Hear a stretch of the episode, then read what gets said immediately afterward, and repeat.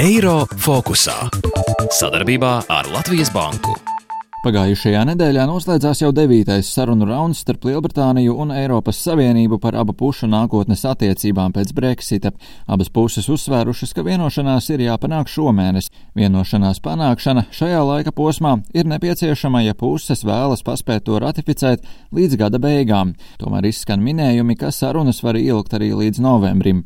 Saprotot, ka laika ir maz, pēc devītās sarunu raunda situāciju apsprieda Lielbritānijas premjers Boris Džonsons un Eiropas komisijas komisijas prezidente Urzula Fonderleina.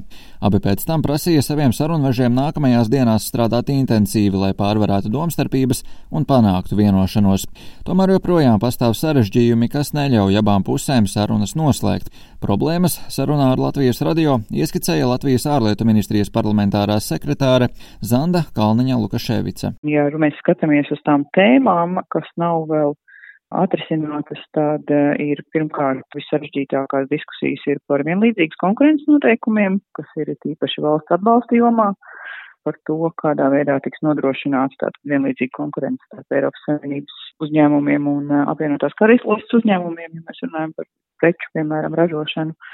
Otra tāda ļoti sāpīga tēma, kam ir jau daudz laika veltīts, ir sarunas par zivsaimniecību, respektīvi par eh, piekļuvi eh, zvejai apvienotās karalistas ūdeņos, kur ir eh, atšķirīgi viedokļi par to, kā tas turpmāk notiktu. Pārējais periods un brīvā tirzniecība starp abām pusēm beigsies nākamā gada 1. janvārī.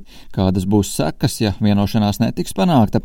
Ekonomikā un tirzniecībā attiecības regulēs starptautiskie mehānismi un būs jārēķinās ar Pasaules tirzniecības organizācijas noteiktajiem tarifiem preču importam un eksportam. Tas nozīmē, ka tas ir ļoti neizdevīgi, ka ir lielāki muitas tarifi un arī ļoti daudz izmaksātu papildus laiks, kas tiktu zaudēts uz sarežģītākām šīm te muitas procedūrām un preču attiecīgi nogādes laikam jo gan laiks, gan šie tarifi ir ļoti būtiski ietekmē gala cenu. Un kā šajā ziņā ir ar Latviju? Mūsu eksportētāji to justu.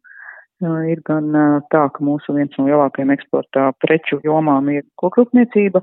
Tur it kā Lielbritānija ir indicējusi, ka, teiksim, nebūs būtiski šie tarifi, bet tāpat tās sarežģījis piegādes Pārtiks precēm ir būtiski tarifi, ja nav šis vienošanās, tās visvairāk ietekmē papildus laiks, kas ir pavadāms ceļā un uz muitas punktiem. Iezīmējot situāciju dažās no nozarēm, kas Eiropā ciestu, ja vienošanās netiktu panākta, jāmin piemēram auto nozare.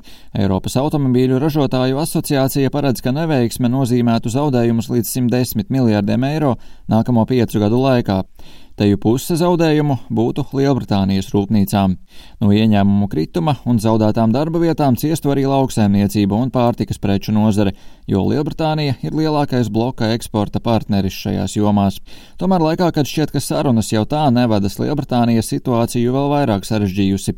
Eiropas komisija teju pirms nedēļas ievadīja pārkāpuma procedūru pret Lielbritāniju saistībā ar tās likumprojektu par iekšējo tirgu.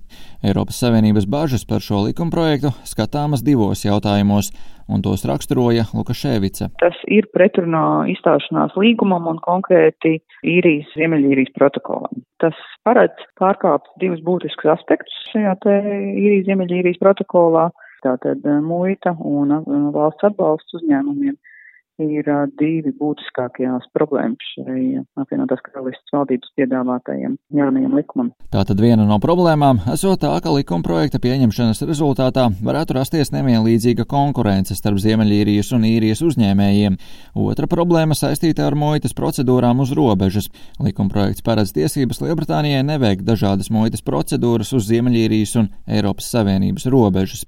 Izskanējušas bažas par šī likumprojekta un tā iespējamās pieņemšanas ietekmi uz pašreizējām sarunām. Likumprojekts ir uh, guvis atbalstu apvienotās karalistas apakšpalātā, ir nodots tālāk izskatīšanai Lordu palātā. Tajā gan valdībai nav vairākuma, līdz ar to nav paredzams, ka tur būtu straujas apstiprinājums šim likumam.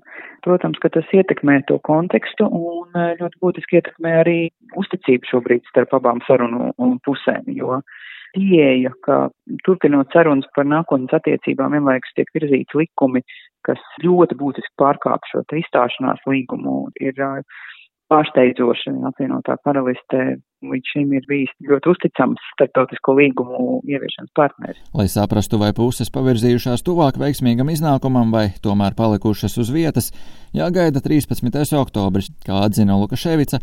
Tas būs kā atskaites punkts, jo tad Eiropas Savienības sarunvedis Mišels Barņē informēs par jaunāko saistībā ar sarunām. Rihards Plūme, Latvijas radio. Eiro fokusā. Sadarbībā ar Latvijas Banku.